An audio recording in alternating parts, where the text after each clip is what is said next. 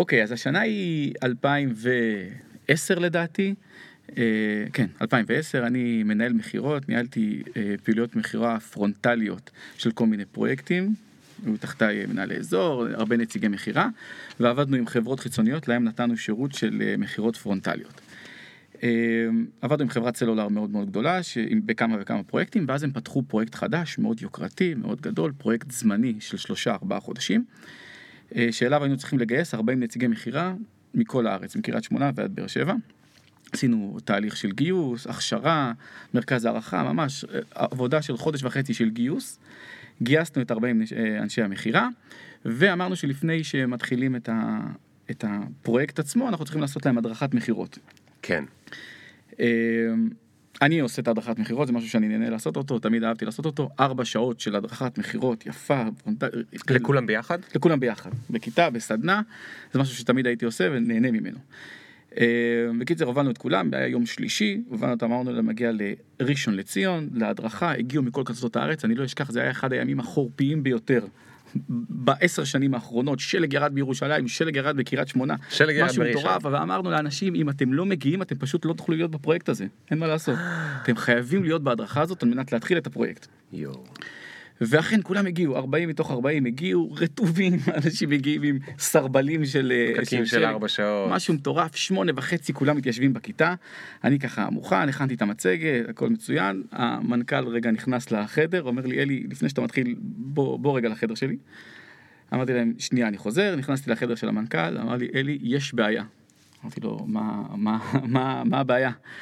הוא אומר לי, אה, כרגע סיימתי שיחה עם אה, חברת הסלולר, והם הודיעו לי שהפרויקט בוטל. אמרתי לו, מה, מה זאת אומרת בוטל? יש פה 40 אנשים. הוא אומר לי, זו בדיוק הבעיה. זו בדיוק הבעיה. אתה חייב לעשות להם הדרכת מכירות כרגע. כי אנחנו לא יכולים להגיד להם שהפרויקט בוטל. אנחנו חייבים להעביר את הדרכת מכירות ומחר נתחיל להודיע להם שהפרויקט בוטל ואין כלום. אז למה הוא החליט לספר לך לפני ולא אחרי? אני ממש לא יודע ואני אמרתי לו שזה היה טעות אבל אני במשך ארבע שעות העברתי הדרכת מכירות לגיטימית לחלוטין כולל טיפול בהתנגדויות כולל כל מה שצריך לעשות על מנת שהנציגים האלה יוכלו לקבל טלפון למחרת ולדעת שהם לא הולכים לעשות את ההדרכה הזאת, את הפעילות. וידעת את זה כאילו עשית את ההדרכה בידיעה כן. ש... איזה באסה. אני זוכר שהם אשכרה אה, התווכחו איתי על התנגדויות מסוימות, ורגע, ומה אם הלקוח אומר ככה, ומה אם הלקוח אומר ככה, פשוט אתה אומר להם, אם הוא אומר ככה, אז הכל בסדר. כן, וואו. טוב, אה, אלי ונטורה. נכון. האיש והשם הזכיר, אה, דיברנו על זה קודם כבר. אתה מגיע מעולמות ה e-commerce, נכון? נכון? כן. וזה נורא מצחיק בקבוצה אנשי העולם החדש. בהתחלה, בהתחלה, בהתחלה. היו כמה אנשים שחשבו שזה קבוצה של אנשים שהם מעולם ה e-commerce ואמזון ו drop ship וכאילו זה הרי עולם גדול, נכון. מבחוץ הוא נראה קטן אבל עוד מעט תספר כמה הוא גדול, והגיעו לשם מלא מלא מלא מלא חבר'ה כאלה, mm-hmm. חשבו שאני פותח איזה קבוצה ל affiliators וכל מיני כאלה, ואני דווקא ממש לא התכוונתי לזה, ובתוך העולם הזה יש גם דברים שהם קצת מסריחים, כל מיני כאלה מוכרי קורסים סליזים שלא בטוח אם הם אי פעם מכרו משהו חוץ מאת הקורס שלהם. מוכרי חלומות. מוכרי חלומות, ובעצם אה, הדרך שלך שבה הצלחת לכבוש אותי אה, כשדיברנו על האם תעשה את הפודקאסט, זה אמרת לי, אני גם חושב שהם כאלה ואני רוצה לפורר כל מיני מיתוסים נכון. זה ואז אני רוצה שנעשה כמה דברים גם תספר לי כמובן על הקריירה שלך, וגם אנחנו נדבר על אותם מוכרי חלומות ולמה בדיוק אנשים נופלים לזה, ומה בדיוק הם מוכרים שם ואיך אה, זה, וגם איך אפשר בסופו של דבר להיזהר מזה, ואיזה דברים כן נהדרים נמצאים היום ומחכים לאנשים, עד כמה שזה קל או לא קל בכלל. כן. אה, בסדר? אז את כל זה תספר לי אחרי המוזיקה, סבבה? מעולה. מדהים, נתחיל בעוד שנייה. Yeah. One time. Look. Ring the alarm, hot ass nigga. Yeah. Big ass head so my dreams get bigger. Yeah. Big campaign strong so my flows get sicker. Yeah. Confidence bigger than a drunk ass nigga. מה קורה, אלי? בסדר גמור. אז תגיד, איפה התחיל הרומן שלך עם אי-קומרס? באיזה שנה? הרומן שלי עם עולם האי-קומרס התחיל ב-2013.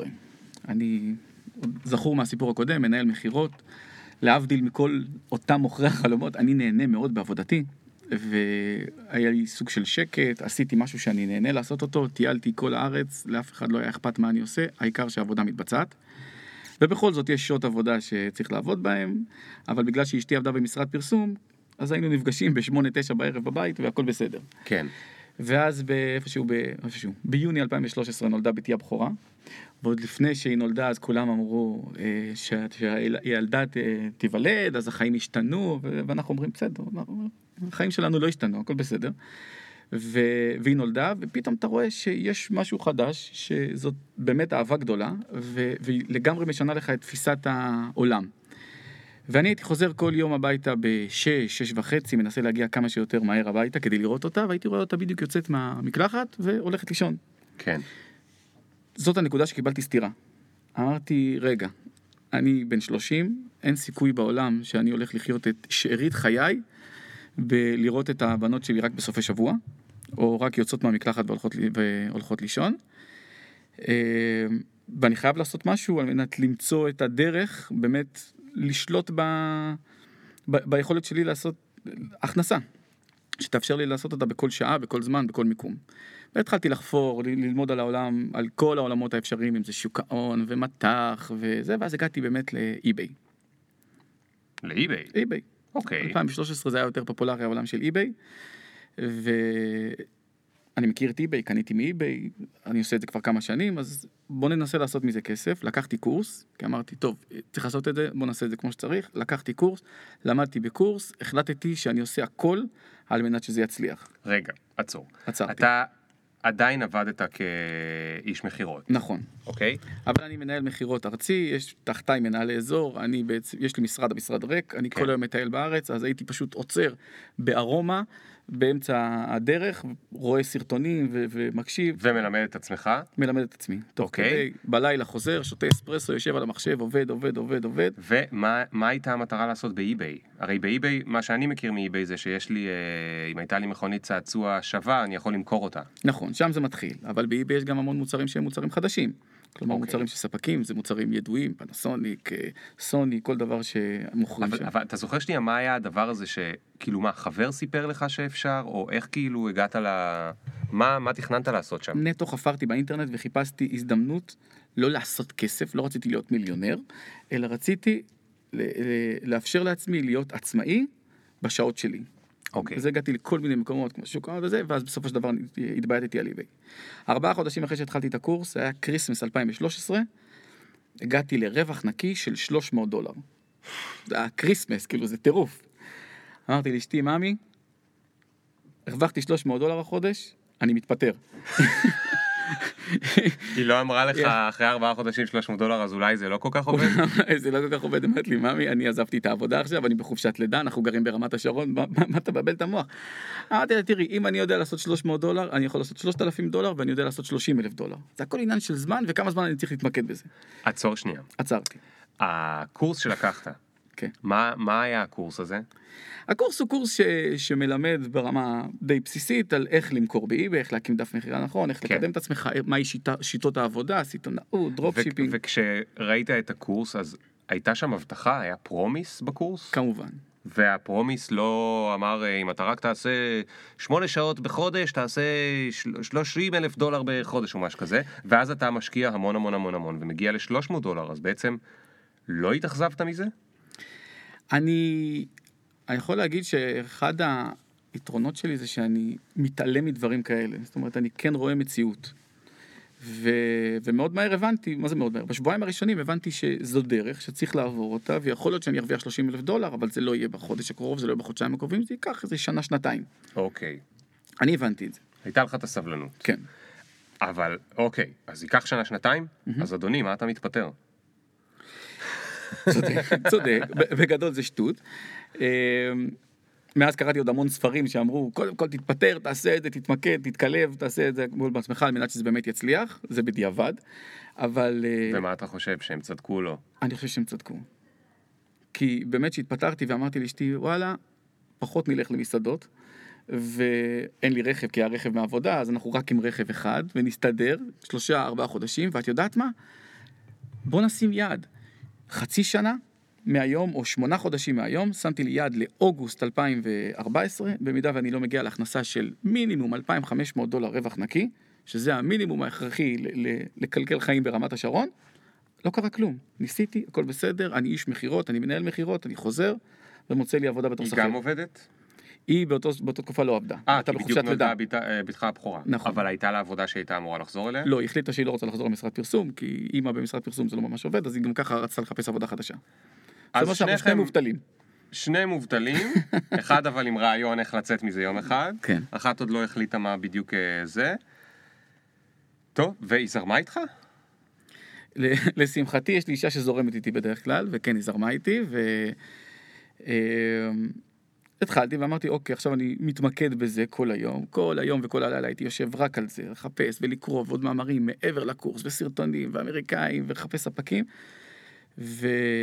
ווואלה, הגעתי לאותו יעד, 2,500 דולר, הרבה פחות מהזמן שהקצבתי לו, כבר באפריל 2014 הגעתי ל-2,500 דולר. זאת אומרת. בתוך ארבעה חודשים אחרי ה Christmas, נכון, הגעת מ-300 דולר ל-2,500 דולר. בדיוק, אבל עבדת בשביל זה יום ולילה. נכון, זאת אומרת, דבר אחד אתה כבר למדת, שזה לא שאתה תעבוד שמונה שעות בחודש. נכון. אולי ההפך, אתה שמונה שעות בחודש תנוח, נכון. ובשאר הזמן אתה... אבל בוא, בוא רגע, אבל זה לא הפריע לך. זה לא הפריע לי, כי זה עבודה, אני לא בן אדם שיושב רגל על רגל על חוף הים, עם הלפטופ, עם כל כן, כן. הסרטונים כמו והתמונות שאתה רואה. בקלישאה של ה- כן, כן, של כמו הנווד הקלישאות. הדיגיטלי. אני אוהב לעבוד. אני כן. אדם ש- שעובד, אני אוהב לעבוד, אני נהנה לעבוד. אבל אני יכול להגיד לך חד משמעית, היום, שיש לא מעט תהליכים בעסק שלי, העסק שלי היום מורכב מהמון המון פרויקטים, אי-ביי, שופיפיי, אמזון, המון המון פרויקטים קטנים, ויש לא מעט תהליכים בעסק שלי, כמו אי-ביי למשל, וכמו חלק מהפעולות שלי באמזון, שהיום מתנהלות באמת בהגדרה של אני מקדיש להם גג, גג, גג, 20 דקות ביום.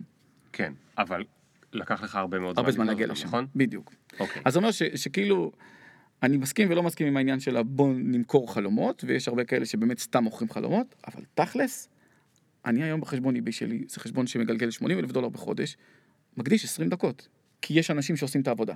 כן, אז לקח זמן לבנות אותו, לקח זמן להגיע לשם, אבל... כן, שמישהו יעשה, ויש הבדל בין מגלגל לבין רווח נקי. ברור, ברור. כן. אגב, ב- בחנויות מהסוג הזה, מה, מה ההבדלים בין גלגול לבין רווח נקי? זאת אומרת, זה כמה בסוף נשאר? כי אתה יודע, יש, גם טבע מגלגלת מיליארדים. נכון. בסוף יכול להיות שנשאר לה שלושה מיליון פלוס או מינוס בסוף השנה. זה מאוד מאוד משתנה לשיטה שבה אתה עובד, אם, אם אתה רוצה שניכנס עכשיו ונפרוט את כל השיטות, זה מצוין לעשות סדר ככה. יאללה, לא התכוונתי עכשיו, אבל יאללה, כן. תעשה. מעניין. אז בוא נדבר על eBay, אמזון, Shopify. כן. זה סוקר, סוקר כמעט את כל עולמות ה e-commerce. רגע, שנייה לפני שאתה מתחיל, כן. כדי שידעו גם שלא הבאתי מישהו מהרחוב לדבר על הדברים האלה, כן. אתה כן קצת אוטוריטה בתחום הזה, נכון? יש לך אתר, כן. איך הוא נקרא? אה, אה, אני לא מדבר על ה eBay, האתר של ה... קויוטי. קויוטי? כן. שכמה שנים יש לך אותו? קויוטי זה סוכנות שחיה שנה. אוקיי. הכל.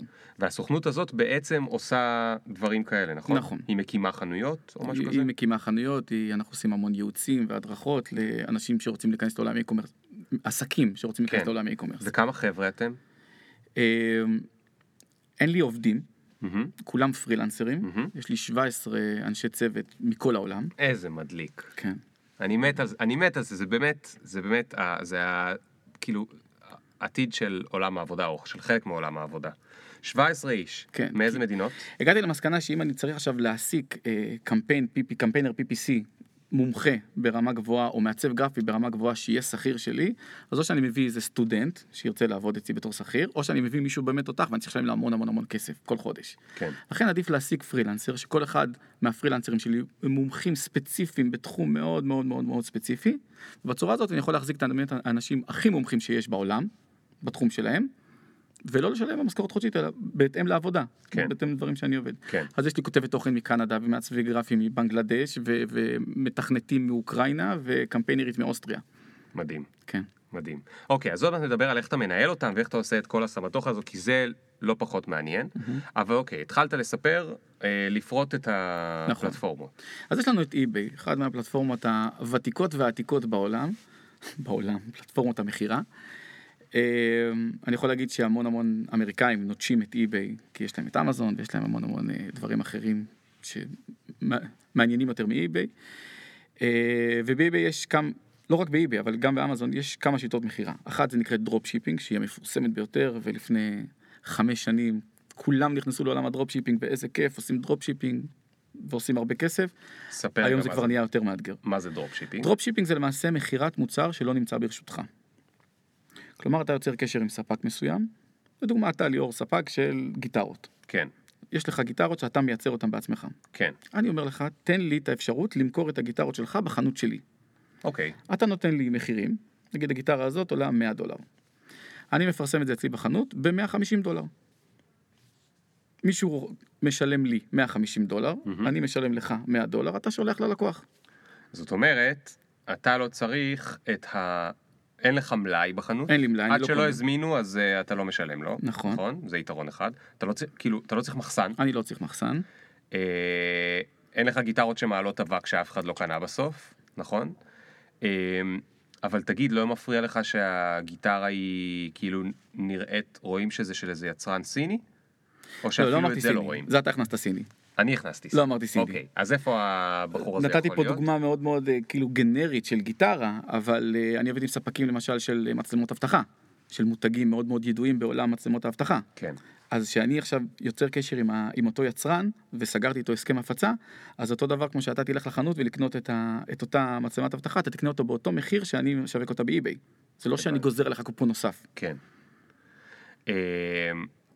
אוקיי, אבל לא, אני רציתי, אני רציתי להרים לך להנחתה לעוד איזה משהו אחד, שהדבר הנפלא ב drop shipping, תכף אני אספר לך מאיפה יש לי ניסיון בזה, כי גם אני ניסיתי פעם איזה משהו קטן כזה, אה, זה שהם יכולים לשים את הלוגו שלך על הגיטרה, לא, ועל הקופסה, כן. ועל ה... ולשלוח את זה כאילו ממך, נכון? זאת אומרת, הבן אדם שקנה את זה זה לאו כבר- דווקא יודע אם זה, מאיפה זה הגיע. זה כבר drop shipping שנוגע בעולם אחר שנקרא private label.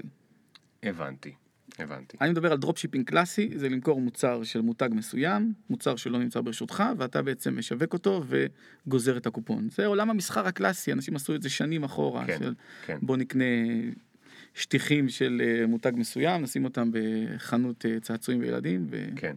אוקיי, אז יש drop shipping. כן. אה, וזה התחלת לספר בתוך אי-ביי? בתוך מה אתה שם את זה ה drop shipping? בעיקר באי-ביי, בעיקר באי-ביי יש גם לא מעט שעושים אה, drop shipping באמזון, למרות ש... אבל אמזון מערימה קשיים. עכשיו תגיד, למה צריך אי-ביי? למה אני לא יכול לפתוח אתר משלי? או, שאלה יפה. אתה יכול לפתוח אתר משלך, אבל באי-ביי התנועה כבר קיימת. כלומר, אנשים נכנסים לאי-ביי כדי לחפש את המוצר הזה. אנשים אוקיי. מחפשים בגוגל את המוצר הזה ומגיעים דרכו לאי-ביי. Hmm, הבנתי. מישהו מחפש גיטרה, בדיוק. ואי-ביי בגלל שהם יודעים לקדם דברים בגוגל, אז ימצאו את הגיטרה נכון. ב... זה מכירת. pull. ואם אתה פותח חנות עכשיו, אתה צריך לעשות מכירת push, כי אף אחד לא מכיר אותך, אין לך מוניטין, אין לך אותה social אוקיי, אז proof. אני צריך להתחיל עם... שיכירו את החנות שלי ויבואו לבדוק שם. בדיוק. הבנתי. אוקיי. אמ, בכמה כסף אנשים אה, מוכרים באי-ביי? יש לזה גבול? אין לזה גבול. אין לזה גבול, אני יודע שאנשים מוכרים במאות אלפי דולרים באי-ביי בחודש, זה, זה באמת למצוא את המוצר הנכון, במחיר הנכון. אה, הי- היו שיטות בעבר שהן שיטות יותר מפוקפקות של פשוט קח מוצר מאמזון, תפרסם אותו באי-ביי ותהנה מההפרש, או קח מוצר מאלי אקספרס, אבל אה, אי-ביי, אני לא אגיד חסמה את האפשרות הזאת בחודשים האחרונים, אלא פשוט הנמיכה את, ה, את החשיפות של אותם אה, מוכרי Mm. למה? כי eBay הגיעה למסקנה שהיא לא רוצה להיות אה, עוד צד שלישי לאמזון, אלא היא רוצה להתחרות באמזון. הבנתי, הבנתי. מומחים יגידו שזה מאוחר מדי. כן, כן. או שהם יגידו שאי-ביי פשוט רוצה שאמזון יקנו אותה. כן, גם לא חשבתי על זה, אבל זה גם כן. אופציה מעניינת. אמ, ותגיד רגע, עם התובנות, ש... הדברים שאתה למדת על אי-ביי ב-2000 וסוף 2013, כן, הן בכלל רלוונטיות למה שצריך לדעת על אי-ביי היום ב-2019? ממש לא. העולם הזה הוא עולם כל כך מהיר, משתנה ב- ב- ב- במהירות הבזק. כן. דברים משתנים על, על בסיס יומי. מה שהיה נכון אתמול באלגוריתם של eBay לא נכון מחר. אז באיזה רמות זה משתנה? ברמה של איך ימצאו, האם ימצאו את החנות שלך? כן, זה גם ברמה של מי ימצא את החנות שלי, האם ימצא את החנות שלי, עמלות מכירה, אה, קידומים כאלה ואחרים שהיום עובדים ומחר לא עובדים, או מחר יקומו קידומים חדשים. Hmm. אז בעצם, יש פה כמה, מה- כמה דברים. אתה היית צריך למצוא מוצר שאתה מאמין בו. מהמם. איך אתה עושה את זה בכלל? לא, מאמין בו זה כבר עולם של אמזון. eBay זה אני צריך למצוא מוצר שנמכר. לא אכפת לי אוקיי. אם אני מאמין בו או לא מאמין בו. אוקיי. אני צריך מוצר שנמכר. כן, מוצר שנמכר, מה למשל? מצלמות אבטחה, כן, למשל. אוקיי, מצלמת אבטחה, אה, דבר שאנשים מחפשים. כן. גם אתה לא תלך למוצר שהכי נמכר, אל תלך לפלייסטיישן או לאקסבוקס, כי אז יש לך תחרות עם אותם מפיצים גדולים, כן. שלא עושים drop shipping, אלא רוכשים בסיטונאות. ואז המחירים שלהם נמוכים יותר, ואז טובים מצליחים יותר. להוריד מחיר. בדיוק, אוקיי, אז נגיד שאתה רוצה למכור מצלמת אבטחה. נכון. מה... what now? אתה מדבר עם הבן אדם שמוכר אותן? אני מחפש את ה... לא סתם מצלמת אבטחה, אלא אני באמת מחפש מצלמת אבטחה של מותג מסוים שנמכר יפה באי-ביי, עם כל מיני כלי, כלים של מחקר שוק וכן הלאה. אה, ואז אני יוצר קשר עם אותו ספק, עם אותו יצרן, קודם כל בוא נלך לראש שרשרת המזון בתור התחלה, ונגיד ליצרן שלום, שמי אלי, יש לי חנות אונליין באי-ביי, אני רוצה למכור את המוצרים שלך. ואם אני הולך למותגים גדולים אז בדרך כלל או שהם לא יענו לי, או שהם יגידו לי תודה, לא, לך למפיץ מספר 2, ואז אתה הולך למפיץ מספר 2, ואומר לו שלום, אני אלי, אני רוצה למכור את, את המוצרים שלך, או של המותג הזה והזה, עד שמישהו מסכים. כן. כמובן ש- שזה דורש הצקה ודורש דורש להיות אה, ישראלי ו... למה זה דורש הצלחה? הם. לא רוצים שימכרו את הדברים שלהם? כן, אבל הם גם לא רוצים שיהיו מיליון מפיצים שמוכרים את אותו מותג. למה? גם בארץ, כמה מפיצים יש של המותג נייק? למה הם לא רוצים? כי יש עניין של אה, אה, ייחודיות למוצר, הם לא רוצים ש... ש... הם רוצים שיהיה להם שליטה על המפיצים. Mm. כל מותג, מותג קטן ומותג גדול, רוצים שיהיה להם שליטה על המפיצים, על מנת ש... שידעו בדיוק שהכל מתבצע על פי הערכים של אותו המותג ועל פי המחירים של אותו המותג. זאת אומרת, אוקיי, אבל זה fucking מצלמת אבטחה, זה יכול להיות איזה מצלמת אבטחה סינית כזאת, כאילו של איזה מישהו ש... אז זהו, זה לא מותגים גנריים. מותגים גנריים מאוד קשה לך להתחרות בסינים, כי הסינים מראש יילחמו במחירים וימכרו את אוקיי, המוצרים. בוא תסביר מה זה מותג גנרי. יפה. מותג גנרי זה, זה, לא, זה מוצר גנרי. מוצר גנרי זה מוצר לא ממותג. כלומר, מישהו ייצר מצלמת אבטחה, אבל היא לא, לא של. סוני או של בדיוק. Whatever.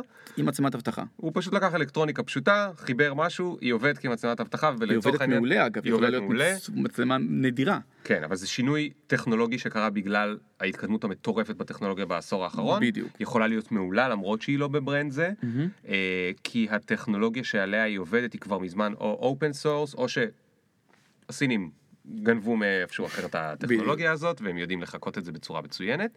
ולהם אין ברנדים, כאילו הם לא אכפת להם, נכון? נכון. שאתה תמתג. נכון. אז, אז... או, או שתמתג או שתמכור את זה unbranded. אוקיי, אז הניסיון הקטן שלי בעולם הזה קרה לפני, אני אפילו לא זוכר מתי בדיוק, אבל נראה לי בערך עשר שנים. אני גיליתי את, ה... את העולם של ה drop shipping, ואני לא עשר זוכר שנים איך. זה יפה. כן, זה היה ממש בהתחלה. כן. והחלטתי, אני מאוד כזה, אה, אני לא יודע לעשות כסף כמו שצריך. אני מאוד חברתי כזה וזה, אז, אבל, אבל כן זה הדליק אותי. אמרתי, אוקיי, אני הולך לעשות אה, חנות למוצרים שהם ממוחזרים. אז נגיד, תיקים שעשויים מתקליטים. אוקיי. כל מיני דברים כאלה, אוקיי? אה, אה, היפסטר. מאוד, אני אחפש כל מיני מוצרים כאלה. וה drop shipping היה מילה שרק התחילה להסתובב בכל מיני מקומות, ופתאום מצאתי כל מיני כאלה יצרנים, באמת הם היו כולם בסין, אבל הם דיברו אנגלית. אה, אני לא יודע אם זה היה, אולי זה לא היה בסין, זה היה בסין אני חושב. כתבתי אימיילים לכל מיני, הכל היה נורא מוזר, האתרים שלהם היו מכוערים, וה, והאנשים שדיברו איתי היה להם שמות מוזרים, והכל הם היה עדיין כזה... מכוערים. אה, אוקיי. והשמות עדיין מוזרים. אוקיי, גדול. ובסוף השגתי איזה ארבעה ספקים, פתחתי אתר בוויקס, הם היו ממש חדשים, פתחתי אתר בוויקס, שמתי שם את הזה, הצבתי את זה, הכל היה מכוער, כן? כל ה... היכולות שלי באותו הזמן היו עוד, עוד אה, העיצוביות עוד יותר גרועות משל היום, אה, ועשיתי משהו וכאילו אמרתי, אוקיי, זו חנות של מוצרים אה, זה. היו אולי שלוש רכישות, כן? לא השקעתי בזה יותר מדי, פשוט הדליק אותי. שאני יכול לעשות את כל זה לבד, כן. להרים את האתר, לעצב אותו לבד, לדבר עם איזה מישהו ו, וגם לשים עליו את ה brand שלי. אז הכנתי איזה לוגו והם הראו לי שהם יכולים לשים את הלוגו שלי על הקופסה שלהם ולשלוח להם. כן. את זה למישהו בקצה השני של העולם. אז בחרתי למישהו בדרום אפריקה ולמישהו בצרפת ולעוד איזה מישהו בזה, והבנתי שזה כל כך הרבה עבודה ועזבתי את זה. אמ, לא הלכתי לאי-ביי וכו', אז גם הייתה לי את הבעיה שאף אחד לא מכיר את הפאקינג חנות שלי. אמ, אבל אמרת לפני כמה דקות שהיום זה כבר פחות קורה, נכון. הדברים הלא ממותגים. נכון. למה? כי אני, אני חושב שאנחנו מובלים על ידי השוק האמריקאי, והשוק האמריקאי כן שוק שאוהב branding. אוהב את, ה, את, ה, את החיבור ואת הזהות עם מותג מסוים, Mm. והוא כן פתוח לקבלה של brand ים חדשים. אוקיי, ואז נולד עולם ה private label. מה זה אומר? עולם ה private label שהוא יותר נפוץ באמזון, פחות uh, חזק ב-eBay, יותר נפוץ באמזון, זה לקחת מוצר, מוצר מסוים, שזה גם, השוק קצת השתנה, אבל uh, בתחילת הדרך שאני ב-2014 התחלתי בפרייבט לייבל באמזון, זה לקחת מוצר, למשל כוס פלסטיק, ולהגיד, אוקיי, הכוס פלסטיק היא לא סתם כוס פלסטיק, היא כוס פלסטיק של אלי, של המותג אלי, לשים את המותג למטה, כמו שאמרת, לייצר 500 יחידות, לשלוח למחסנים של אמזון בארצות הברית, והנה יש לי מוצר באמזון שהוא ממותג עם ה... זאת אומרת זה כוס רגילה לגמרי, פשוט צבעתי אותה בירוק ואמרתי זה המותג שלי. אה, אוקיי, אבל זה ממש מסובך. אתה היית צריך להכין 500 כוסות, בדיוק, לייצר, ולשלוח למחסן. נכון, ולא בטוח אם הם ימכרו. נכון. צריך להשקיע מראש. להשקיע מראש. אוקיי, הבנתי. בדיוק. ניסית את זה גם? כן בטח, אה, זה התחלתי, זה, זה, זה ה main business שלי היום. וואלה. כן, אז כשאני התחלתי ב-2014, לא למדתי קורס, זאת אומרת למדתי, באתי ממקום של אני אלי, אני כבר יודע eBay, כבר שנה אני ב-eBay, אני מלך העולם, אז מה הבעיה לעשות אמזון? אה, ואמרתי מה נמכר לי הרבה דברים באי-ביי, מה נמכר לי באי-ביי, היה איזה סכין שף בזמנו, שנמכר לי יפה, אמרתי יופי בוא נעשה מותג של סכיני שף, כן. תמים לחלוטין. אז לקחתי באמת את ה... עשיתי מחקר שוק מאוד בסיסי באמזון, ראיתי שסכין שף נמכרת נחמד, לא רע, אין שם ברנדים גדולים ששולטים בשוק. אז אה, בוא ניקח את הסכין שף והכל שם נהיה עם ידיות שחורות, ובוא נעשה ידית ירוקה. אוקיי, במקום ידית שחורה, ידית ירוקה. חתיכת בידול. ממש המצאתי את הגלגל. כן. שמתי על זה את הלוגו שלי, ייצרתי 500 יחידות, הנה שלחתי למחסנים של אמזון, איפה ייצרת? סליחה, איפה בסין. ייצרת סכינים? בסין. איך ידעת לייצר סכינים בסין? פונה לעליבאבא, זו שאלה יפה, אבל הולך לעליבאבא, אה, רושם סכיני שף, יש לך מיליון ספקים, מזמין סמפל אחד הביתה, אפילו שני סמפלים, עדיין מסתכל על הסכין ואומר, אני לא יודע אם הסכין הזאת טובה או לא טובה, כי אני יודע בגדול להכין חביתה וטוסטים, שלא דורשים אה, מיומנויות חיתוך אה, מושלמות. אה, לקחתי את זה לחבר שהוא סו שף, אמרתי לו, תעשה לי טובה, תגיד לי טוב, לא טוב, אמר לי טוב. הורא- הוראת ייצור לסין, ויאללה בלאגן. מה זה הוראת ייצור לסין? תסביר שנייה, מה זה אומר? זה כסף, זה כסף, זה מדובר בכסף. זאת אוקיי, אומרת, זאת אתה אומרת, כן צריך לתת. להם, אה, מה, אלפי דולרים? זה עוד נותן מקדמה, 30% בתור התחלה. יש ואז- איזה מינימום שבלעדיו הם בטח לא מייצרים לך. נכון, אם אתה צריך לשים לוגו, בדרך כלל המינימום הוא 300-500 יחידות. אוקיי. אז בתור התחלה ייצרתי 500 יחידות. אמ, מייצר אותם, פותח דף מכירה באמזון, שולח אותם למחסנים של אמזון בארצות הברית, ומתחיל לשווק אותם שם. חכה שנייה. אתה היית, זה כבר סוף 2014. נכון. כי רגע לפני זה, אה, אשתך הייתה בחופשת הריון ואתה היית מובטל. נכון, עכשיו אתה גם משקיע כסף? כן. מה קורה איתך, אלי? צריך לצמוח, פתאום התפנה קצת זמן פנוי, העסק ב-eBay כבר נהיה, נכנס לשגרה מסוימת. אה, כבר גייסתי עובדת מהפיליפינים שתעשה שירות לקוחות, ככה שהתקצר לי עוד קצת הזמן, ועכשיו יש לי זמן פנוי לעשות משהו חדש. אוקיי. בדיוק נכנס העולם של אמזון והפרייבט לייבל, אז אמרנו בוא, בוא ניכנס לפה. אז שלחת 500 סכינים עם, עם ידית ירוקה לאמזון. כן, זה היה השקעה של 3,500 דולר, משהו כזה. אוקיי, לא מוגזם. לא מוגזם. כן. אומר, אוקיי, ניסיון, זה גם שוק חדש, בוא נלך. אבל מי מכיר את הסכין שלך באמזון? אף אחד. אמזון זה מקום עם מיליון מוצרים. היום, אוקיי. המחסנים של אמזון נפתחו ב-2012. בוא, אנחנו, עולם ה-e-commerce הוא עולם סופר חדש, סופר טרי. אמזון ברזיל נפתחו לפני שלושה שבועות. אמזון אוסטרליה לפני כמה חודשים. זאת אומרת, אנחנו רק בתחילת מהפכת ה-e-commerce. וואו, ממש בהתחלה. וואו. אז כשאני נכנסתי ב-2014, השוק היה עדיין בתולי. אז מאוד מהר הצלחתי להביא את המוצר שלי לדף הראשון של תוצאות החיפוש, וה-500 יחידות האלה עפו תוך חודש וחצי. וואלה, טירוף. nice. כן. באיזה רווח, זאת אומרת, לעומת כמה שעלה לך לייצר? היה שם לעומת- רווח של אה, בערך 25-30 אחוז. אה, כן. לא משהו, לא 400 אחוז. אין דבר כזה 400 אחוז בעולם ה-e-commerce. Mm, אוקיי. זה- 25 אחוז טוב, זה מעולה. כן. זה מעולה. כן. נחמד. אוקיי, אז ראית כי טוב, אז מה אמרת, נייצר עכשיו 5,000? לא, נייצר אלף ובוא נעשה עוד מוצר, בוא נעשה גם סט סכינים. נכון, ולמה לא באדום או בכחול? עשיתי או את זה. בסגול, זה היה כישלון. בסגול היה כישלון. גדול! תגיד, איך נראה כישלון? 500 סכינים מחכים באמזון עכשיו? או 450? כישלון נראה שייצרתי סחורה, קרה לי כמה מוצרים אחר כך, שאתה מייצר סחורה וזה לא נמכר בקצב שאתה רוצה, אז אתה שורף כסף על אחסון ועל שילוח ועל פרסום בתוך אמזון ופרסום מתוך, בחוץ לאמזון, עד שאתה מבין שהמוצר הזה לא טוב. רגע, כשאמרת 25 אחוז, 30 אחוז, כן. התכוונת מהעלות של הסכין או התכוונת אחרי כל המכירה. ההוצאות? ממחיר המכירה. לא, אבל אני מתכוון, הסכין עלתה נגיד 3 דולר לייצר, או אין לי מושג, אני סתם זורק. שבעה. 7 דולר. אה, הייתי קרוב. יפה. אוקיי, 7 דולר לייצר. כן. חוץ מזה, אבל אתה צריך גם לשלוח אותם לא, זה, זה חמישה דולרים ועוד אה, שני דולרים אה, שילוח, פלוס מינוס אני זורק, זה שבעה דולרים להביא את המוצר למחסנים של אמזון. וכמה עולה המשכורת לסחור את המחסנים? כאילו, לא סוחר מחסנים. יש עמלות של אמזון, כן. שזה אמזון מחלקים... מזכירים לך כאילו, אתה יודע, איזה איזה בוט מדף. קטן, מדף, בדיוק. כן. כן. אה, דווקא הם יחסית בסדר, אנשים כאילו בטירוף על העמלות הגבוהות של אמזון, אבל אם אתה יודע לחשב את זה כמו שצריך, הכל בסדר, לקחת הכל בחשבון. אה, זה עולה, בדרך כלל זה שליש, שליש, שליש. כלומר, עלות, עלות הייצור היא שליש פלוס שילוח, שליש זה עמלות של אמזון, שזה עמלות סיום מכירה, פרסום ועמלות אה, אה, כולל פרסום FBA, וזה. כן, אוקיי. ושליש רווח. הבנתי. זאת השאיפה לפחות, כן. כן. אוקיי, מגניב. אמ, אז אה, היו לך סכינים סגולות שהיה מאוד קשה למכור, מהמם. ואז מה, הם, הם עדיין במחסנים באמזון? לא, הסכינים? מה פתאום, זה היה 500 יחידות, כבר ב-Christmas זה עף. Christmas הכל, הכל עף בסופו של דבר, גם אם זה לא עף. פשוט מאוד. יכול להיות שזה עף בהפסד, נכון. נכון? זאת אומרת, יכול להיות שבסוף אתה תמכור סכין ב-7 דולר ואז הפסדת עליה. בדיוק. הבנתי. איזה קטעים. כן. אז יש לך כל הזמן, אז אוקיי, אז עכשיו מהעולם של אי-ביי לעולם של אמזון, פתאום כן יש לך מלאי. כן. אמנם הוא לא אצלך בחנות אז- בדיזינגוף, אבל נכון. יש לך מלאי כלשהו. נכון. זה כבר טיפה יותר, אה, אתה צריך להיפטר. זה סיכון, כן. טיפה יותר גדול, זה תמיד טיפה יותר לחץ על הכתפיים, אבל, אה, אבל איזה- הפוטנציאל איזה- הרבה יותר גדול. כן, איזה דברים עוד לא עבדו? איזה עוד מוצר עשית והוא לא הלך? אוי, יש לי הרבה כישלונות, אני, אני מומחה ספר, אני בכישלונות. רוצה שתספר אחד כזה ואחד כזה. מומחה בכישלונות.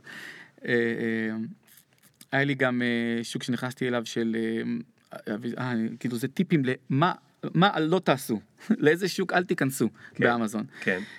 שוק היינות, ב, ב, היינות. כן, לא יין עצמו, אלא אביזרי יין. אוקיי. פותחן, וזה, כי, כי הייתי באופוריה של הצלחת הסכינים, זה היה שנה אחר כך, אז היו לי כבר, נראה לי, אה, ארבע, ארבעה מוצרים שונים של אה, סכינים באוויר, סכין שף, סכין לחם, סכין זה, טירוף, הרווחתי יפה. אני שולט בתחום המטבח באמזון, בוא נבנה מותג חדש בתחום, בתחום המטבח, אלי. יינות. כן. אה, וראיתי שפותחן בקבוקים עובד יפה, וראיתי שסטופר כזה של ואקום עובד יפה, וראיתי שפורר עובד יפה, זה משהו ש... אבל בכמה כסף אפשר למכור דבר כזה? אז זהו, ש... שהיה לי חשיבה ישראלית פה, שזה המון המון ישראלים נופלים. כי אני אומר, אם הפותחן בקבוקים נמכר יפה, ואם זה נמכר יפה, ואם זה נמכר יפה, אז בוא נעשה סט ביחד. נעשה אריזה. נעשה כן. אריזה, אריזת מתנה, שאתה תוכל להביא את זה לאבא שלך ביום הולדת, ו... והנה, זה טירוף. ולא, זה כישלון. כי האמריקאים עובדים אחרת. האמריקאים קונים דברים שהם צריכים. הם לא קונים רק כדי וואלה, זה לא שיהיה. נשמע לי אמריקאי. הכי אמריקאי. יש, הדוגמה הכי גדולה של, אה, של לקוח ישראל, של מוכר ישראלי שנפל באמזון, זה, אחד המוצרים הנמכרים ביותר באמזון זה גרליק פרס. קוטי שום. טירוף. נמכר ברמה של עשרת אלפים יחידות בחודש, כל הדף הראשון. וואו. כאילו כל מוצר ומוצר. ויש עוד מוצר מאוד חזק שנמכר, שזה סוחט לימונים, lemon squeezer, ברזל, יצוק. בא ישראלי ואמר בוא נעשה bundle, שבאותו מחיר של כותש שום, ובאותו מחיר של סוחט לימונים, אתה מקבל bundle של סוחט לימונים וכותש שום. מה הבעיה? הלקוח האמריקאי, אם הוא צריך כותש שום, צריך, לא רוצה, זה כותש שום, אני צריך אותו בארון, במגירה, אם הוא צריך כותש שום, הוא יקנה כותש שום. אם הוא צריך סוחט לימונים, הוא יקנה סוחט לימונים. הוא לא יקנה את זה רק בגלל שבאותו מחיר אתה מקבל שניים. זאת חשיבה ישראלית. כן. אבל האמריקאים פשוט אומרים, אני צריך, אני קונה, אני לא צריך, אני לא קונה. איזה קטעים. אה, אוקיי, אז אה, אז הבנדל של העינות לא עבד? לא. כמה כסף השקעת בזה נגיד? אם אתה יכול, אה, אם אתה מרגיש בנוח להגיד. לא, זה כיף. זה היה, הזמנו אלף יחידות, כי הייתי כבר כבר בביטחון הרבה יותר. גדול, מה 500? הזמנתי אלף יחידות, זה היה בפברואר, אה, 6,000 דולר, משהו כזה. ושוב, זה זה היה כישלון, אבל בסופו של דבר כל המלאי נגמר שנה לאחר מכן, בפברואר לאחר מכן. אז הייתי בהפסד בסופו של דבר של איזה 1,000-1,500 דולר.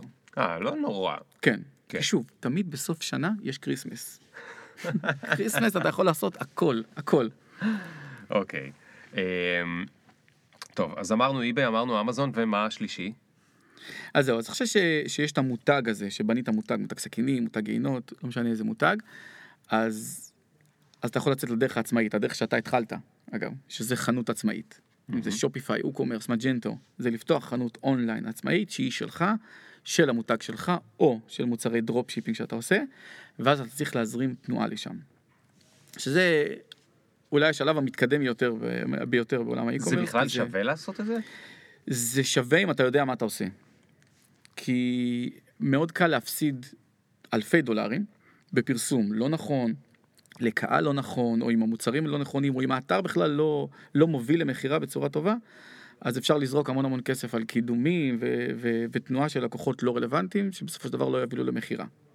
גם צריך לדעת להבין כמו שצריך את, ה- את המתודה ואת ה... איך אני באמת מייצר את ההוכחה החברתית אצל הלקוח שהאתר שלי הוא אתר אמין. כן. כי הלקוח, ואם אנחנו מדברים באופן ספציפי על הלקוח האמריקאי, קונה באמזון. כן. 60% מהמכירות ב-2018, המכירות אונליין, היו באמזון, כן. הברית. אז הם מכירים את אמזון, הם רוצים את אמזון, הם יודעים את אמזון. ואם אני מביא להם את אותו מוצר באותו מחיר כמו באמזון, אז הם ילכו לאמזון לקנות נכון. אותו. אז למה שתעשה את זה? למה שלא תמכור באמזון? זה, זה המקום הנוח. למה אני רוצה לפתוח חנות אונליין? כדי שיהיה לי נכס. מה זה אומר?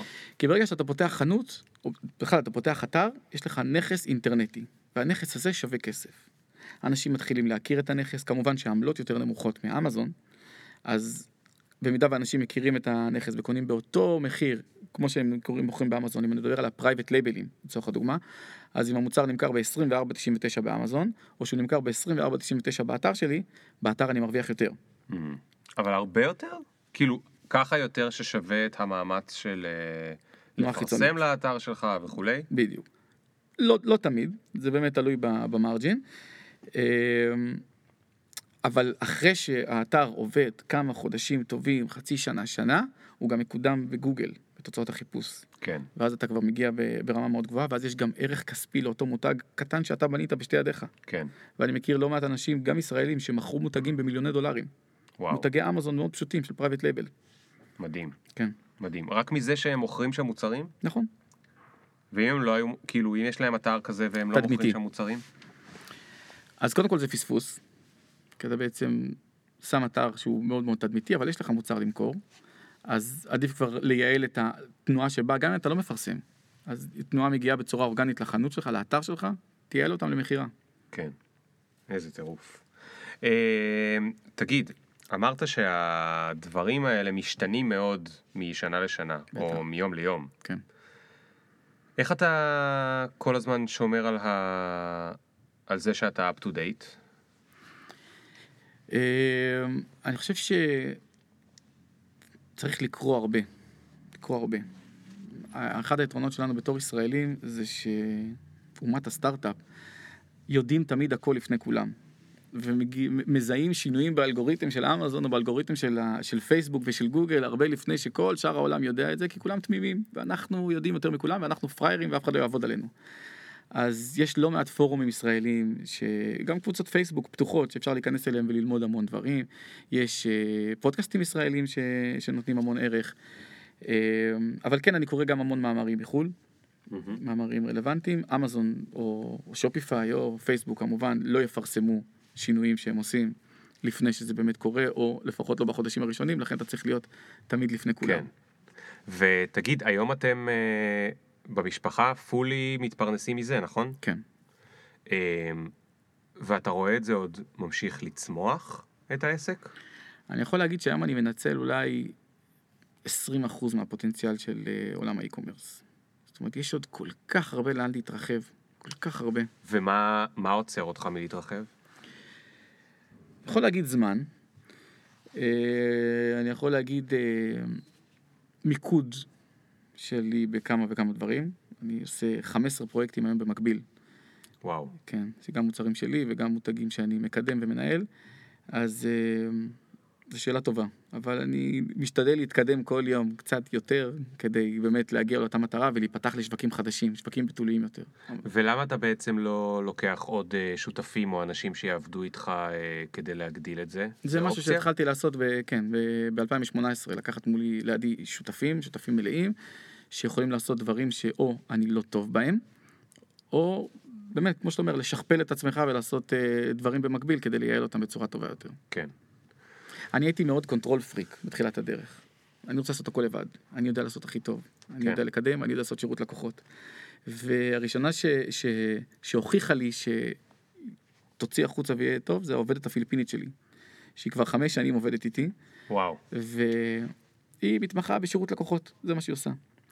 ונתתי לעשות שירות לקוחות של eBay, שזה היה ה baby שלי, ואמרתי, מה פתאום, זה הלקוחות שלי, אני צריך לתת להם את השירות הכי טוב, על מנת שהם יחזרו, והכל יהיה בסדר, ולא יהיו תלונות, ולא יהיה חס וחלילה פידבק שלילי.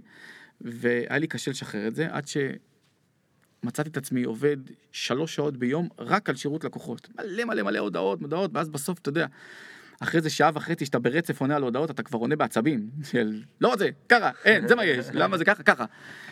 ואז, ואז הוצאתי את זה החוצה, לאותה עובדת, וגיליתי שני דברים. א', האנגלית שלה הרבה יותר טובה מהאנגלית שלי, אז היא מתנסחת בצורה הרבה יותר נעימה. ג', התפנה לי שלוש שעות. כן. מה אני עושה בזמן הפנוי הזה? ואני מרוויח יותר כסף, כי היא נותנת שירות הרבה יותר טוב ממה שאני נתתי. תגיד, אמ,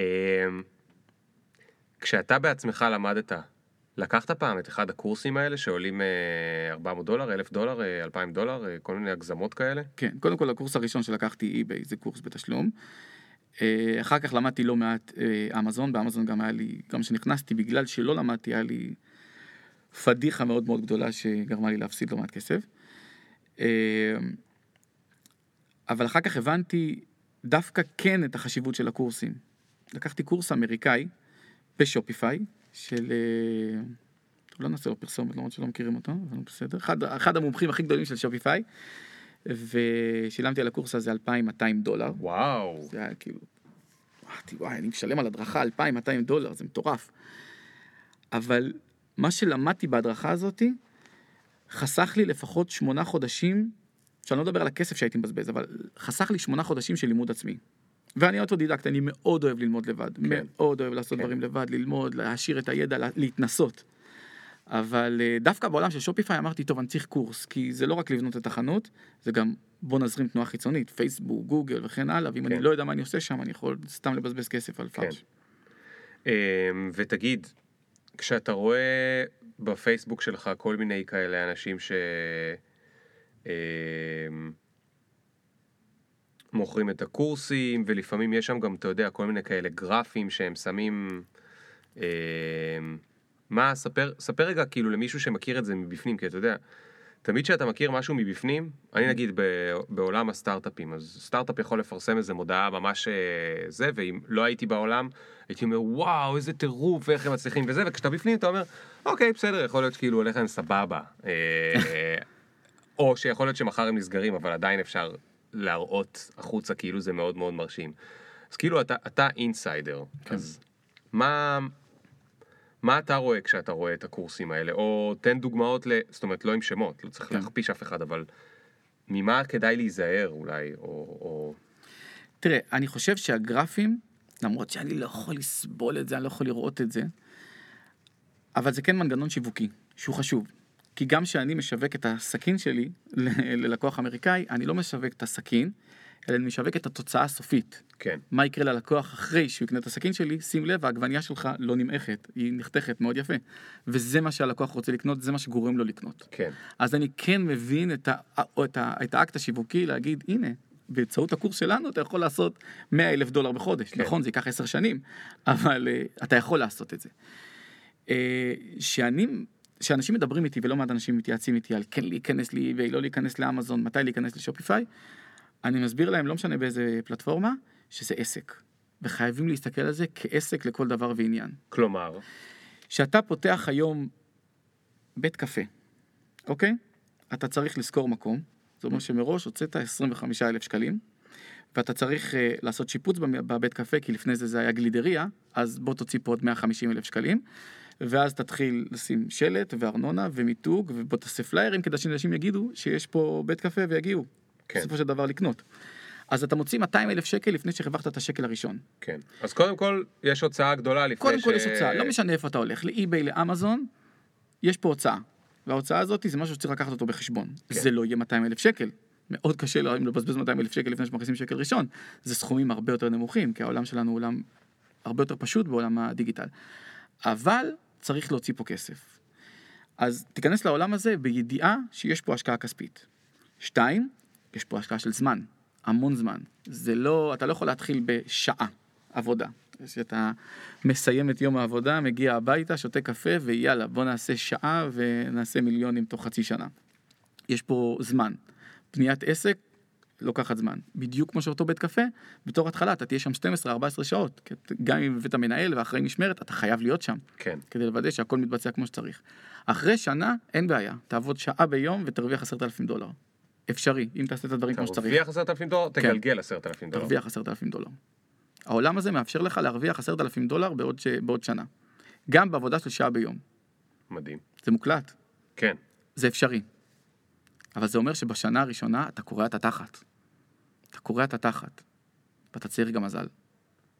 מה זאת אומרת? כי... בוא נלך רגע לעולם של אמזון.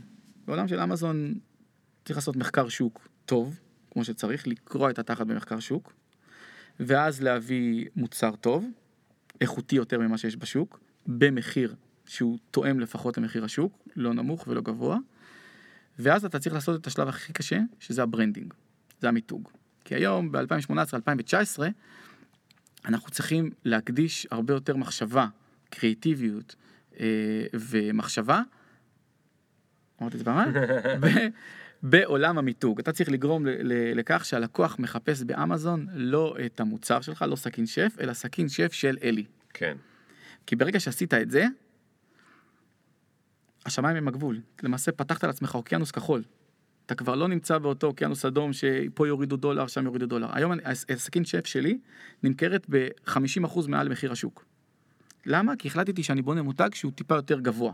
אוקיי. ואנשים קונים אותו היום בגלל המותג הזה. עכשיו זה מותג שאני בניתי בשתי ידיים. אז ברגע שתקדיש את הזמן הזה ותקדיש את היצירתיות, ואם אין לך את היצירתיות, תשלם למישהו שיש לו את היצירתיות. וגם זה עשיתי לא מעט. אמרתי, אוקיי, בוא נחשוב רגע אה, אה, מול אנשים שמביני עניין ויודעים ו- ומתעסקים בזה כל היום, איך אני משווק את זה בצורה טובה יותר, איך אני מגיע לקהל גדול יותר, אה, ואיך אני גורם לקהל בעצם להתאהב במוצר שלי, במותג שלי. יש לי סיפור על הסכינים, אם אנחנו כבר מדברים על branding. אחד הדברים הראשונים שאני עושה בכל מוצר זה לשלוח לדודה שלי שגרה בארצות הברית. שלחתי את המוצר לדודה שלי כי היא מקבלת את זה בתור התחלה והיא גם משאירה את הסקירה הראשונה באמזון ואיזה כיף לנו.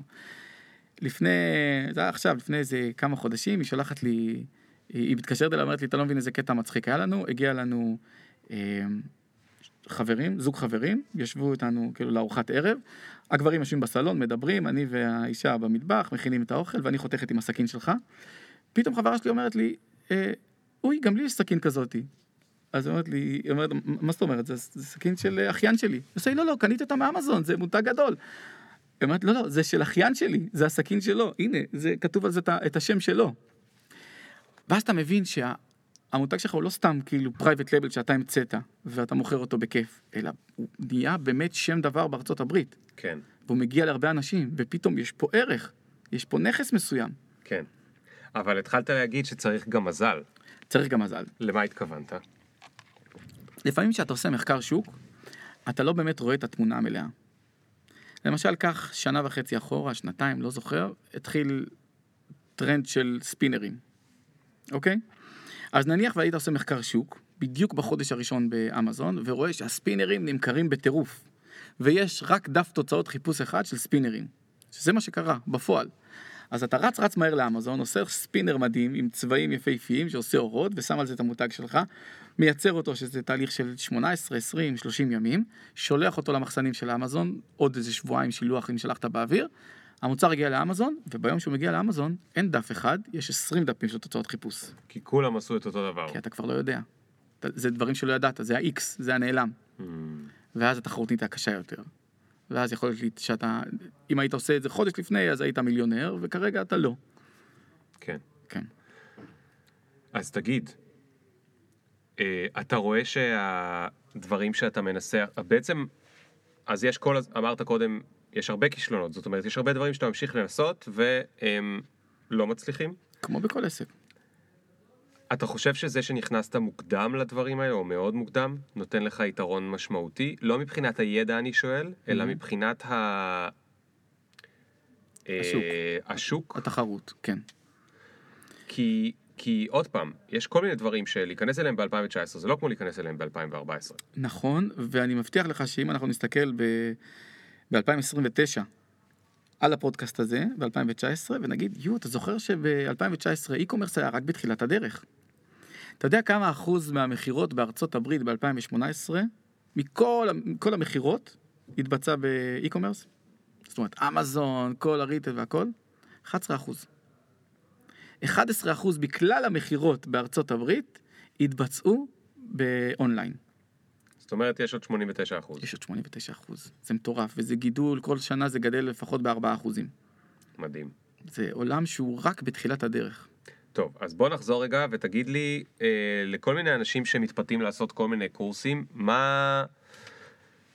איך אתה היית יודע על מי לסמוך ועל מי לא לסמוך? קודם כל, אני חוזר עוד פעם, אני לא משמיץ את הקורסים. כולם קולגות, כולם אנשים טובים. יש טובים יותר ויש טובים פחות, אבל... אה, אז תגיד. הם כולם אנשי מקצוע. אה, יש לי שאלה. יפה, כמה עולה קורס כזה? אין לי שמץ של מושג. נגיד הוא עולה, מה, 150 דולר? לא, שישראלי מוכר. שישראלים מוכרים זה החל מקורס מלא, לא פחות מ-4,000 שקל. אוקיי. אגב, הקורס המקביל האמריקאי לאמזון, ASM עולה 5,000 דולר, אוקיי. ועושים אותו אלף אנשים בשנה. אה, רק אלף. כן, טוב, זה לא הרבה. אבל... עכשיו, 2019. פשוט אוקיי. ב- אוקיי, אז זה עולה נגיד אלף דולר. כן. הבן אדם הזה יכול לעשות עשרת אלפים דולר משעה עבודה ביום, מהמם, נכון? או יותר. כן. למה הוא מתאמץ עכשיו למכור קורס? זה הרי השאלה בסוף, נכון? אם אתה נכון. יודע איך להיות מיליונר מאמזון, כן. אז למה אתה מבזבז את הזמן שלך על אה, לעשות קורס? אתה מיליונר מאמזון, שב בבית, תעבוד שעה ביום ותהנה ותהיה מיליונר. מסכים.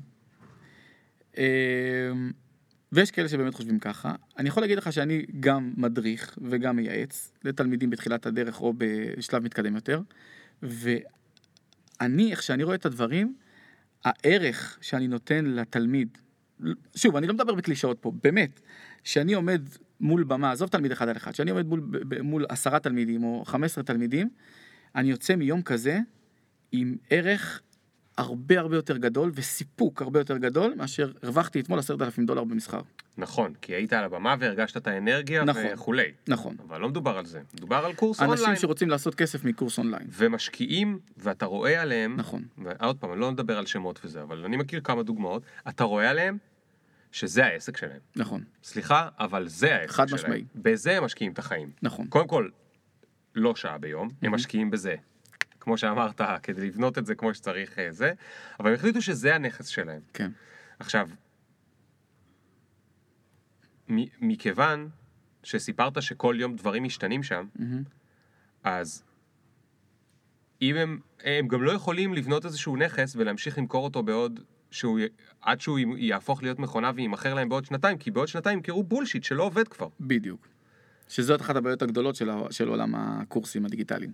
כן, שהשוק כל כך כל כך כל כך דינמי ומשתנה כל הזמן ואותם מוכרי קורסים לא מעדכנים את הקורסים ואז אתה מוכר בעצם משהו ישן. כן.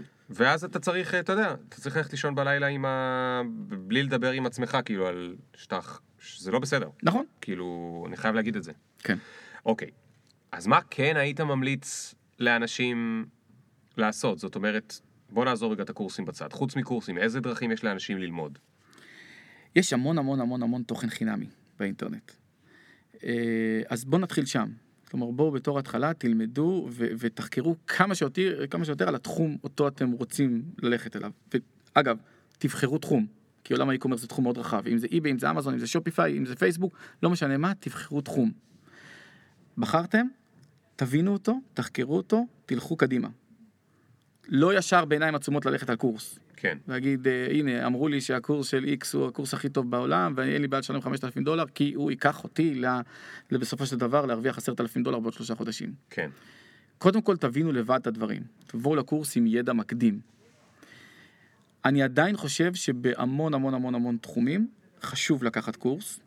לא משנה איזה קורס, ישראלי, אמריקאי, חשוב לקחת קורס, כי יש דברים ש... שבבסיס מפספסים אותם. והבסיס הוא חשוב. אני בתור בן אדם שלומד לבד רץ קדימה, תמיד לתוכן המתקדם, מהמם. ולפעמים אני שוכח את הדברים הבסיסיים של רגע איך פותחים פה חשבון ברמה כזאת ואז אני עושה טעויות בדברים האלה שבסופו של דבר הטעויות האלה גם עולות כסף או מעכבות אותי ב- מה זה טעות בזמן. שיכולה לעלות כסף? תן דוגמה. המוצר השני שהבאתי לאמזון סט סכינים. אני כבר הרי מלך העולם, אני עשיתי אי-ביי והנה עכשיו הבאתי מוצר מצליח אז אני אביא את המוצר השני אז אני יודע הכל אז בוא נשיק אותו. וב-2014-2015 להשיק מוצר זה היה בוא ניקח אה, קבוצת פייסבוק סגורה של אנשים שרוצים לקנות מוצרים בזול, ניתן להם הנחה של 90% על המוצר, נחלק כמות יחידות X עם קוד קופון Y ו... והנה ההשקה שלנו והם ניתנו סקירות את ה-30-40 מוצרים הראשונים הם ניתנו סקירות אה, customer reviews באמזון ויש לך השקה.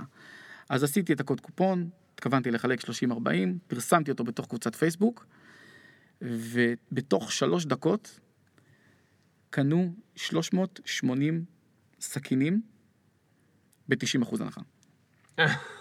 לא שמת לימיט. לא שמתי לימיט. היה אפשר לשים לימיט? בוודאי, יואו. אני לא למדתי את זה בשום מקום. יואו. אבל אפשר, גם לא חשבתי על זה, כי ידעתי שאני רוצה לחלק 30-40, אבל מטומטם, שכחתי לעשות את הלימיט בהגבלה של הקוד. כן. שלוש דקות, 380 יחידות, שכמה עלתה לך ב-90% כל. יחידה? 7 דולר, כלומר 9 דולר עם משלוח.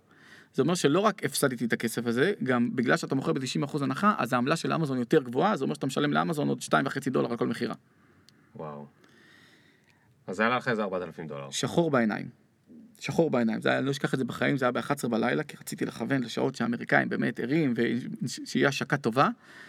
שחור בעיניים, התקשרתי לאמזון, צרחתי עליהם בטלפון שיבטלו, אמרו לי, חבוב, אתה נתת פה קוד קופון, מה אתה רוצה מאיתנו? זה אנחנו לא יכולים לבטל, זה לקוחות.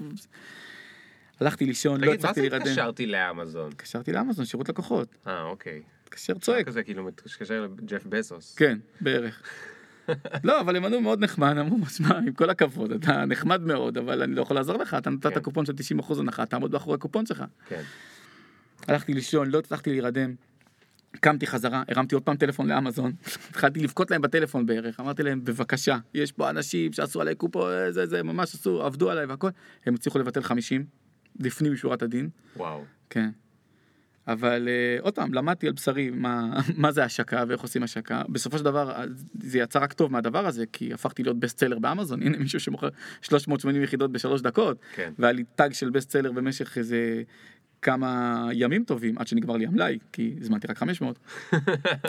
אבל אה, כן, יש טעויות שעולות לא מעט כסף. אה, וקורסים כן יכולים לתת את, ה- את הדבר הזה, אבל יש הרבה דברים שקורסים גם לא יכולים לתת. למשל. אה, דברים מתקדמים יותר. זאת אומרת, איך לעשות את אותו branding, איך לעשות את אותו שיווק מחוץ לאמזון. אם אנחנו באמת ספציפי עכשיו כרגע באמזון, בוא נדבר רגע על אמזון. אמזון זה עולם ומלואו. זה איך לייצר את ה private label, איך לחקור את השוק כדי להביא את המוצר הנכון, איך לייצר את הלוגו, איך לדבר מול ספקים, אבל הכי חשוב זה איך לבוא ולשווק אותו, בסופו של דבר. איך לגרום לכך שהלקוח לא מחפש סכין שף, אלא מחפש סכין שף שלי. את הדברים האלה, אני לא יודע אם יש היום קורס בארץ או בעולם שיודע לתת ברמה מקצועית, או שזה קורס אחר לגמרי, קורס של branding, קורס של שיווק חיצוני. אמ, ולכן צריך תמיד להמשיך וללמוד עוד ועוד ועוד. תגיד, כמה אנשים ראית שאתה מכיר באופן אישי או לא אישי שניסו לעשות משהו בעולמות האלה? אני, במהות שלי אמרתי לך, אני איש מכירות. אז ברגע שאני נכנסתי לעולם, הצלחתי לשכנע את כל הסובבים שלי להיכנס לעולם הזה בצורה כזו או אחרת. יש לי חברים שפתחו חשבונות באי-ביי, יש לי חברים שפתחו חשבונות באמזון ומוצרים. וגם יש אנשים שאתה מדריך ופוגש, ו... כן. וכמה מתוכם באמת הצליחו להפוך את זה למה שהם עושים ביום יום? אמ, באחוזים, אני חושב ש-50 אחוז, וואו. כן. מטורף. זה לא הרבה. זה לא הרבה? לא. למה? כי 50 אחוז נכשלו. תשמע, אתה מדבר פה על זה שבן אדם יקדיש לזה את החיים שלו, כאילו יקדיש לזה את הקריירה שלו. נכון. אז אה, אבל זה גם state of mind, של להיות יזם. כן. כי כדי זה לעשות... אני אומר, 50% זה הרבה. כן. מהסביבה שלי, כן. שאני מכיר. יש המון תלמידים ש... אם, אם אני מסתכל על שוק הקורסים בארץ ותלמידים שעברו תחתיי, זה מגיע ל-20% בערך. כי, כי הכל מתחיל ונגמר ב-state of mind.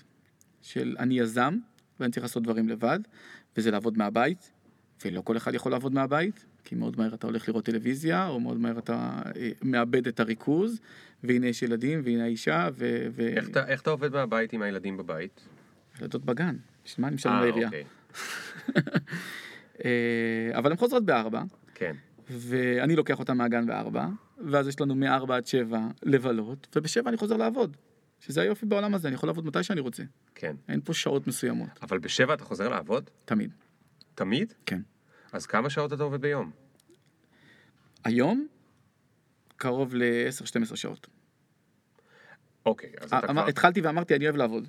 כן. אני מוצא לעצמי המון... אה, אני המון בטוח, אני כן. בטוח. אתה נהנה מהיזמות של זה? אני נהנה. לא, אבל יש אני אוהב לעבוד עד ארבע, ויש אני אוהב לעבוד בשבע אחרי שהילדות אה, ישנות. כן, כי לא. זה כבר... אה, יש, אה, יש דברים שאני עושה בבוקר, אה, לכל בן אדם יש את השעות, אה, שעות פוקוס שלו, שבהם הוא יודע שהוא עושה את ה... אה, הוא מקבל את האפקטיביות הטובה ביותר, ויש כאלה שפחות, אז בערב אני באפקטיביות טיפה פחות, אז אני עושה דברים שהם יותר יצירתיים, יותר כן. אה, בוא נחשוב על דברים, בוא נעשה דברים, זה משבע וחצי עד תשע ככה, אשתך חזרה לעבוד? בוודאי. בוודאי. ואתה רואה מצב שבו, כאילו, אתה אוהב את היזמות, אתה בטח גם אוהב את הכסף. זאת אומרת, זה, זה קשור אחד בשני. כן. כי זה גם יזמות שהיא מאוד, יזמות מסוג שבו את, הכסף כל הזמן עובר. נכון. נכון? זה... הוא עובר בחתיכות של 9 דולר אפילו, זאת אומרת, הרבה, יש מלא מלא מלא טרנזקציות. נקרא לזה, נכון. טרנזקציות זה המילה. אה, זה כמו מישהו שאוהב את אה, עולם הבלוקצ'יין, כי כל הזמן הדברים זזים קדימה אחורה, וזה זה גם נורא נחמד, אבל זה גם בטח מאוד... יש איזושהי התמכרות לדופמין, נכון? נכון. כמה אתה זה, באנליטיקס? זה אלי? בתחילת הדרך, בתחילת הדרך שאתה עושה רפרשים על נו כמה מכירות יש עכשיו, נו כמה יש מכירות, אבל אה, זה לומדים. נרגע לך? כן, בטח, לומדים לחיות. בתחילת הדרך הייתי מתעורר באמצע הלילה לשירותים, זה לפתוח את המחשב ולראות, נו, כמה מכירות היו, כמה מכירות היו. כי אתה יודע, רוב העבודה היא בלילה. כן. רוב, רוב המכירות הן בלילה. ויש מצב שבו אתה רואה כאילו שאתה אומר, אה, טוב, אני מצליח להגיע למקום שאני יוצא לפנסיה? השאיפה, השאיפה, זה כן לצאת לפנסיה מוקדמת, בוא נקרא לזה ככה, אה, אבל אני לא רואה את עצמי מפסיק לעבוד. אלא כן מחפש דברים יזמיים גדולים יותר, שיכניסו לא את המספר טרנזקציות המהר, אלא את הכסף היותר גדול מכל טרנזקציה, אה, שירגשו אותי עדיין. אה, אני לא רואה את עצמי כאילו נרגע במרוץ, אני כן נהנה לרוץ.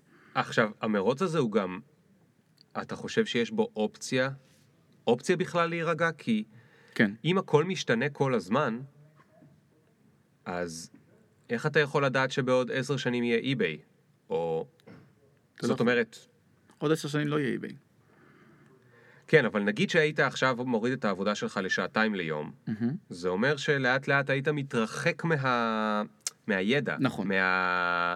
מהדבר הזה, ואז לאט לאט דברים היו עובדים פחות טוב, נכון? אני חושב הייתה נכנסת חלודה למכונות. אם אני מוריד לשעתיים ביום היום, זה בגלל שאני ממקד את עצמי לפרויקט אחד. ואז אני מתמחה אך ורק ב private label באמזון. כן. אז, אז להפך, אז המומחיות שלי גדלה באותו תת תחום, אממ, אוקיי? אז אני מתמחה אך ורק בתת תחום הזה, כן. ואני לומד עליו הרבה יותר כל היום, זה הדבר היחיד שאני עושה. שאגב, חלום שלי, אני רואה אנשים שמתמקדים בדבר אחד, ואני אומר, איזה כיף, בא לי להתמקד בדבר אחד. אז למה אתה לא מתמקד בדבר אחד? זו שאלה שאני שואל את עצמי כל יום. אבל כאילו אני אומר, רגע, אני עושה עכשיו 15 פרויקטים שונים במקביל, אז, אז תוריד עכשיו 15 פרויקט, 15 פרויקטים ותישאר עם פרויקט אחד, זה אומר שאתה מוריד הכנסה, נכון, ואתה גם מגדיל סיכון, אתה מגדיל סיכון. כי דברים קורים. דברים קורים, נכון? אמזון יכולה לק- לקנות את אי-ביי ולסגור אותה. נכון, אה, אמזון יכולה להחליט שהיא מעלה את העמלות אחרי, היא הרי מונופול. אחרי שהיא באמת תהיה מונופול, פתאום שהיא מעלה את העמלות ב-50% ואין לכם לשום מקום אחר ללכת, כי. היא תהרוג את אי-ביי, נכון. והיא תעלה ב-50%. בדיוק. חצי יעזבו אותה, החצי השני ישלמו לה את העוד 50% עמלות. אבל, אתה הולך פה. למקרים, לא לא. אגיד בדיוניים, אבל מקרים גדולים, אמזון יכולים לסגור לך את החשבון מחר. כי מישהו התלונן על זה ש, שנחתכה לו היד מהסכין, ועכשיו תתפוצץ על תביעה של שלושה חודשים. וואו. כן. זה דברים שקורים? קורים הרבה דברים, צריך לעשות גם ביטוח על הדברים האלה, האמריקאים אוהבים לתבוע. אתה עושה ביטוח על הסכינים שאתה מוכר ב... כן. וואו. את זה לא סיפרת לי. נכון. הביטוח הוא פר סכין או... לא, זה ביטוח מותג. וואו. כמה דברים עוד יש שם, אה? יש המון. שוב, זה עולם שאתה צריך להבין כל כך הרבה דברים בו מסביב, כדי לדעת ש- ש- שאתה עושה דברים כמו שצריך. אני מכיר לא מעט אנשים שהביאו מוצרים, אפילו שעשו קורסים, שהביאו מוצרים לאמזון, התחילו למכור אותם, נמכרו בטירוף, ופתאום הם קיבלו הודעה מאמזון, תודה, אתה מפר פטנט, תעיף את המוצרים שלך מפה. זאת אומרת, זה פטנט, ואז אתה חופר ואתה רואה שיש איזה פטנט של מוצר שדומה למוצר שלך, ולא ידעת אותו בכלל, כי לא עשית את הבדיקה המקדימה כן. על הפטנטים. אז קודם כל אה, ענית לעצמך למה אתה על 15 פרויקטים. נכון. אני אוהב את היציבות. כן. אה, מדהים. טוב, תשמע, למדתי המון, אלי. זה היה ממש... אה, עשית לי הרבה סדר בדברים האלה. עדיין לא אמרת לי ממה אני צריך להיזהר. אה, משרלטנים. אבל איך אני יודע שמישהו ש... אני אומר, אתה מבפנים, אז אתה יכול לעזור לי, ל- לא לי. קודם כל תתייעץ לא- אני איתי לא מתעניין תמיד. בזה, אבל- אבל אה, אחרים שמסתכלים, איך אתה יודע שמישהו שרלטן? בגלל זה אמרתי, קודם כל תעשה עבודה עצמאית שלך. תלמד, תקרא מאמרים בעברית, באנגלית, תראה סרטוני, סרטוני וידאו ביוטיוב, מיליונים לכל תחום ותחום, תבין את התחום, ואז תחזור לאותו קורס שרצית לקחת, רגע, ותשאל את ובין השאלות לבין. להתחיל משהו, אפילו קטן, כן. רק בשביל, ה... עוד לפני שאני עושה את הקורס, שיהיה לי משהו, אה, אה, שיהיה לי איזה התנסות כלשהי. תשמע, באמזון כל התנסות זה בוא תוציא לפחות 2,000 דולר. כן, אז אני לא בטוח שזה נכון לעשות, אבל אם אתה רוצה להתחיל באי-ביי, אז כן. בסדר, אבל, אבל אחרי הקורס אני גם אצטרך את ה-2,000 דולר, נכון. נכון? אז אולי, לא יודע. אה, סיכון מחושב. באי-ביי זה יותר קל באי-ביי זה יותר קל, זה בוא נפתח חשבון, בוא נרים דף מכירה, בוא נמכור את הגיטרה הישנה שלך, Mm, ויאללה בלאגן. הבנתי. תגיד, לאיזה אנשים מהעולם הזה לא מתאים? אה, איזה אנשים ראית, ובייחוד, אני אומר, גם מהקרובים והזה, כמובן אל תציין שמות וזה, אבל אתה אומר, זה לא בשבילם. כאילו, ראיתי שזה לא בשבילם. אני כן הייתי אומר יזמים, כי כן יש פה עניין של יזמות, ואנשים שמבינים שיש פה עסק, ובעסק יש סיכון, וצריך להקדיש בו זמן ומשאבים וכסף. אה, אז קודם כל בוא נבין את זה. יש אנשים שבמהות שלהם, וזה בסדר גמור, יש לי חברים כאלה, שכירים, וטוב להם להיות שכירים. לא טוב להם בחוץ, אה, אתה מתגרד להם כל הגוף שפתאום יש יום אחד בלי מכירות או יום אחד עם יותר מכירות, לא, לא יודעים לבוא ולאכול את כל התעתועים האלה, כן. אה, והם צריכים את היציבות, צריכים את המשכורת הקבועה, וזה בסדר. אנשים כאלה, וכל בן אדם יודע, אם הוא בן אדם שכיר במהות שלו או יזם במהות שלו, בסופו של דבר אתה יודע אם אתה יש לך את היצר ההרפתקנות הזאת או לא. אם אתה שכיר, תישאר שכיר. אמיתי לגמרי. אתה רוצה לעשות עוד הכנסה נוספת, אתה עובד חצי משרה ואתה רוצה לעשות משהו שייתן לך את הריגוש, תעשה את זה במקביל. אבל אל תתפטר מהעבודה כדי להגיד, הנה אני רוצה לשבת על הים רגל על רגל, כי זה לא יקרה. כן. את זה גם, זה גם היה מוקלט. כן. זה לא יקרה. אין בים, החבר'ה שבים עכשיו בתל אביב זה לא חבר'ה שיש להם אי-ביי בבית. לא. למה? אני, אני הרבה פעמים אוהב לשבת בים, במיוחד באביב, בסתיו, לקחת את הלפטופ, לשבת, עם ל- לפטופ, אוקיי. להסתכל עליי, אבל לעבוד. לעבוד, כן. כן. טוב, שמע, זה מאוד מעניין. זה עולם אוקיי, עצום. שאלה, עולם עצום. שאלה אחת אחרונה. אה, אתה מפחד מתחרות? אני יוצר לעצמי אוקיינוסים כחולים. זה בדיוק המיקוד של 2018 ו-2019. תסביר שנייה מה זה אוקיינוס כחול למי שלא מכיר את הביטוי. אוקיינוס כחול זה אומר שאני מייצר לעצמי אה, אי שהוא מחוץ לתחרות. ההפך מאוקיינוס כחול זה אוקיינוס אדום. כשאני נכנס עכשיו לשוק ה... בוא נגיד נעלי ספורט, בנעלי ריצה, אז זה אוקיינוס אדום, כי הם מוכרים ככה והם מוכרים ככה וזה יוריד מחיר, או אתם יודעים, יש אוקיינוס אדום הרבה יותר רחב של אה, שוק הקמעונאות, המזון, שופרסל ורמי לוי, והוא מוכר את זה בשקל 90 והוא מוכר את זה בשקל 80, זה אוקיינוס אדום. אוקיינוס כחול זה לייצר מצב שהמוצר שלך הוא מוצר מבודל, מוצר ממותג, מוצר שאין כמוהו, ואין צורך להמציא את הגלגל, אני יכול להביא לך פה אלף דוגמאות של אנשים שהמציאו את הגלגל בלי להמציא את הגלגל, או הרבה יותר פשוט, למתג. לעבוד על המיתוג של המוצר שלך.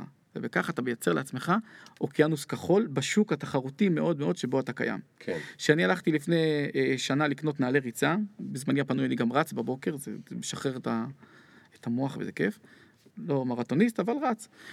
אה, והיה לי נעלי אסיקס, והלכתי לחנות ואמרתי להם, שלום, אני רוצה נעלי ריצה של אסיקס או סקוני. אז המוכר אמר לי, למה אסיקס או סקוני? אמרתי לו, מה זאת אומרת? זה נעלי ריצה, הם מתמחים בריצה. זה מה שישב לי בתת מודע. כן. בסופו של דבר קניתי ניו בלנס, שזה בכלל ישב לי בקטע של נעליים אורתופדיות. זה לבנות את המותג אל מול הלקוח, שהלקוח יבין בתת מודע שהמוצר שלך מתמחה בתת התמחות קטנה. קראת את אה, שודוג? לא? זה הספר על הפאונדר של נייקי. אוקיי. ספר מטורף, אני ממש ממליץ. גם ליזמים וגם ללא יזמים. כן. ספר מטורף. איזה סיפורים היו שם. נייקי כמעט נסגרה איזה 14 פעם, ואף אחד לא ידע. זאת אומרת, לא בהתחלה, בהתחלה, בהתחלה, בהתחלה, ברור שהם היו קטנים, אבל כשהם היו כבר גדולים, כשהם היו עצומים, הם כמעט נסגרו איזה 14 פעמים, ובחוץ הלקוחות לא ידעו את זה. אבל מה שקרה שם בפנים, זה טירוף, בגלל תביעות, ובגלל זה, כאילו בגלל אלף... סיפור מטורף. אה, אלי, המון המון תודה. תודה לך. שאלה אחרונה זהה. נגיד שאתה טס במטוס והקברניט מודיע שיש נחיתת חירום, חס וחלילה, והילדים ואשתך היקרה, אה, השארת להם איזה ביטוח, הם יהיו בסדר, ועכשיו אתה רק חושב לעצמך, איזה באסה שלא הספקתי זה מצחיק, כי זה לא, איזה באסה שלא הספקתי לעשות צניחה חופשית. זה משהו שאני דוחה אותו כבר תקופה. גדול, גדול. כן. טוב, זה הדבר הראשון שעולה לי בראש. איזה באסה שלא הספקתי לעשות צניחה חופשית, כי אני כל פעם דוחה את ה... בוא נעשה צניחה חופשית בעוד אוקיי. חודשיים, בעוד שלושה חודשים. טוב, דפקת לי את השאלה, כל הכבוד, כל הכבוד. אלי, תודה רבה. תודה לך. אה, תודה לכם ותודה ל Rise שאירחו אותנו פה בחדר פודקאסט החמוד שלהם. אה, זה היה פרק 117 נראה לי, 18. תמשיכו להקשיב, יש עכשיו גם ב Spotify. אם אתם במקרה ב iTunes ב Apple, אתם יכולים לשים חמישה כוכבים, או באנדרואיד, אם אתם בגוגל משהו, אז תשימו חמישה כוכבים. אם יש לכם פחות מחמישה כוכבים, אל תשימו בבקשה.